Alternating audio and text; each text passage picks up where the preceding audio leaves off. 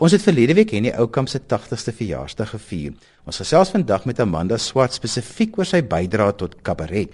Amanda, kan jy vir ons 'n kortlikse oorsig gee van van sy belangrikste kabarettekste? Ja, as dit kom by kabaret, is daar seker min mense in die wêreld wat kom by hierdie oukamp en die geweldige werk wat hy veral vir Afrikaanse kabaret gedoen het. Met permissie gesê, dit verskyn in 1980 en daar fokus hy op die Suid-Afrikaanse realiteit van daardie tyd. Dit het nie 'n spesifieke deurlopende tema nie, dit gaan oor sake van die dag. Hy raak die grensoorlog byvoorbeeld aan waar uit 'n baie bekende deel kom van Lied van die Verminktes, ook die Lewe se Grenshotel en byvoorbeeld by Lied van die Verminktes gaan dit oor vier soldate wat uiteindelik ook metafore word vir alle verminktes. Dit gaan oor een wat byvoorbeeld geestelik vermink is, maar liggaamlik niks oorgekom het nie. 1986 verskyn slegs vir almal met 'n lekker teenstellende titel. Dit bestaan uit sekwense. Dit handel oor die skoolmilieu, weer oor die oorlog. Hy verwys na boer, Jood, Engelsman. Hy verwys na die ego in die tyd van apartheid, rasisme, feminisme. Ekologie bestaan uit monoloë, dialoë, volksliedjies. Hy vat byvoorbeeld Mamma ek wil 'n man hê, verander dit, pas dit aan. Simbamba, Mali se lied wat byvoorbeeld Mani se lied word met die oorkoepelende tema anders as in die vorige kabaret van selfsug. Die kabaret spesifiek dan Oukamp werk veral baie graag met die sewe doodsondes en baie van sy kabarette sluit aan by een van die sewe of 'n kombinasie van al sewe. In Blomtyd is bloeityd in 1987, dit noem hy 'n klein revue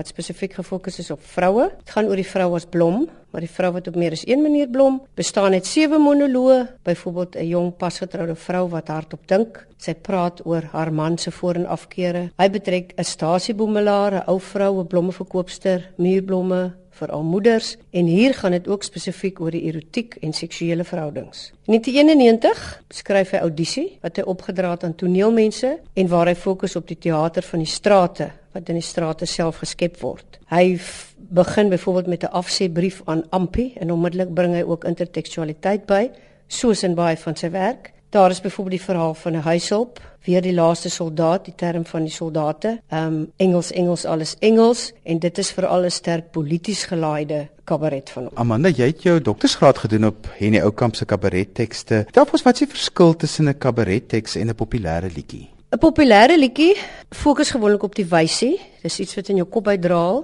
Die woorde is nie so van belang nie. Vir Oukamp gaan 'n kabaretliedjie spesifiek oor die literêre waarde, oor die woorde, die eenvoud van die woorde, maar dit is juist die woorde wat saam met die musiek op jou 'n indruk maak. Nou in 'n destyds resensie oor Henny Oukamp se publikasie Koffer in Berlyn, essays oor die kabaret skryf Henning Snyman, die kuns van 'n kabaret lê uiteindelik in sy vermoë om die dekadente deur 'n eie soortige dekadensie te ontluister. Hoe word dit vergestel in hierdie ou kamp se kabarettekste spesifiek? Ons moet eers 'n bietjie kyk na die term dekadent. Dit gaan nie hier oor morele verval nie, dit gaan oor 'n tyd in die kuns, 'n sekere kunsfenomeen kan ons sê wat dit ook gaan oor ironie, die ironie en liefde te behou. Dit gaan hier oor die oorgangstyd ook die vind die sekel van die een eeu na die volgende oor die eeuwending waar die erotiek byvoorbeeld baie 'n sterk rol gespeel het en dan verwys dan na die dekadensie nie noodwendig as morele verval nie, maar as 'n tyd waarin ons anders moet kyk na dinge. Dis uiteindelik baie postmodernisties. Dit gaan veral hier oor kabaret wat dan wil vervreem en wil provokeer deur juis dan vir die mense te oorreed van sê maar die mense seksualiteit, die maskers wat ons dra. Hy doen dit dan ook deur spesifieke gramering voor te skryf vir kleding en uiteindelik die hele tegniek van Bertolt Brecht en Karl Valentin van vervreemding deur juis die mense te vervreem van wat hy sien op die verhoog, praat hy met die mens en dan draai ook die boodskap oor wat sterk ook deur die dekadente tyd, dekadent met 'n hoofletter gespel um oorgedra word.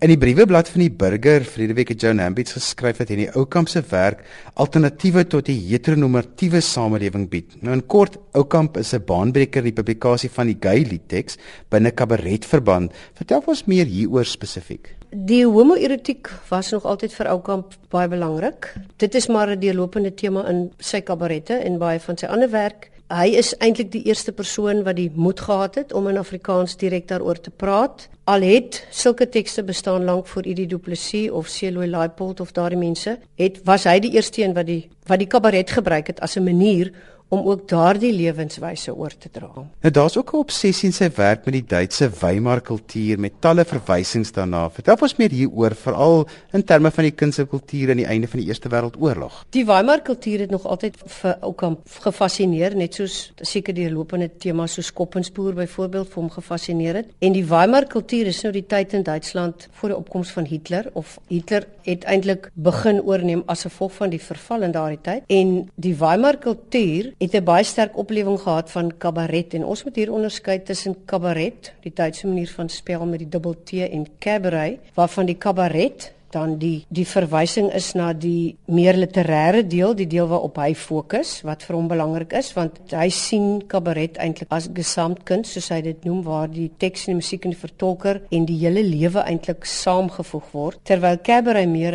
'n groter manier van ontspanning is. So dis literêre kabaret teenoor alternatiewe kabaret waar die waar die laasgenoemde meer spontaan ontstaan. En die Weimar kultuur was natuurlik ook die tyd waar ehm um, met die opkoms van Hitler toe baie van die Jode moes pad gee, die opkoms van mense soos Bertolt Brecht wat hy alles met die teater reg gekry het, die vervreemding wat hy ingebring het om eintlik 'n werklike goeie idee van sy kabaret te kry tydens die Weimar kultuur moet jy baie sterk op die geskiedenis van Duitsland in daardie tyd ingaan. Belangrik is die uitvoerende aspek van die kabaretteks. En nie ook om glo dat die kabaret is teater wat eintlik sy volle potensiaal bereik. Dit gaan uiteindelik oor die literêre teks en die musiek wat daarbey geskryf word moet net so nou aansluit by die teks. Soms onderskryf die musiek die die teks, soms ironiseer die musiek dit.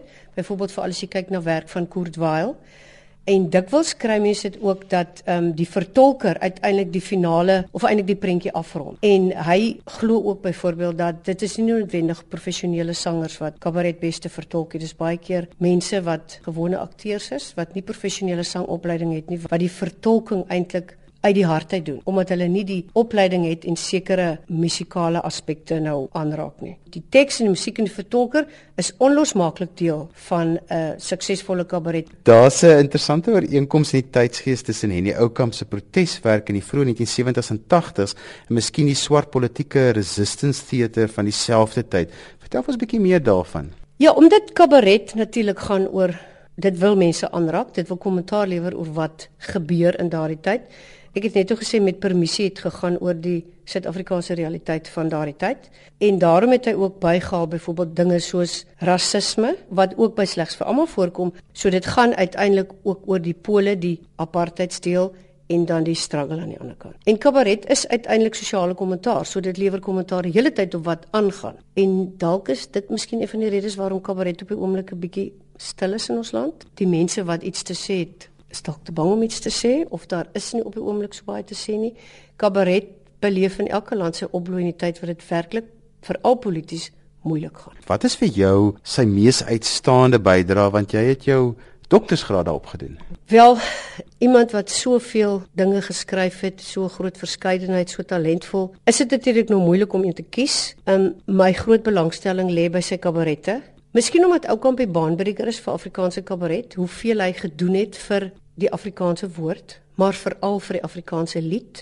Dit wat hy vir Afrikaans gedoen het vir musiek en liriek, die hele musiek en liriek, liriek beweging wat deur Merwede van der Merwe begin is, het hy eintlik versterk deur al die werk wat hy geskryf het en die literêre waarde van sy lirieke Ek dink die eerste een wat regtig waar literêre waarde kon gee aan Afrikaanse musiek was Koos Du Plessis en ek dink hy het, is ver by Koos verby.